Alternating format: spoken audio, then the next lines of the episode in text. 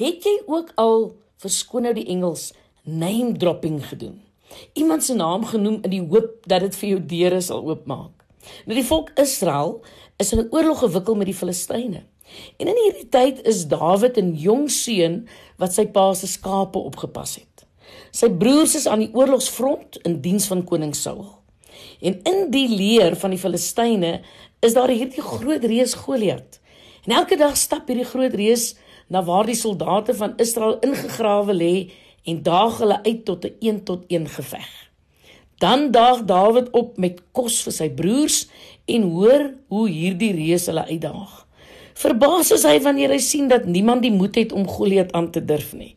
Hy is verbaas wanneer hy vir hulle vra, "Hoe kan hulle bang wees?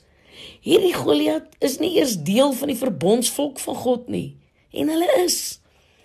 Goliat skel gruwelik op Dawid en vervloek hom. Dawid sê vir Goliat: "Ek kom na jou in die naam van die Here." En dan is die res nou vir ons geskiedenis. Jy sien Spreuke 18 vers 10 sê: "Die naam van die Here is 'n sterk vesting. Die regverdiges vind daar skuilings." Gebruik jy ook bietjie die naam van die Here wanneer jy jou Goliat moet verslaan? Mag jy Elke keer wanneer jy voor 'n Goliat staan, die naam van die Here jou God inroep en geniet die oorwinning in daardie kragtige naam. Jy is meer dan 'n oorwinnaar.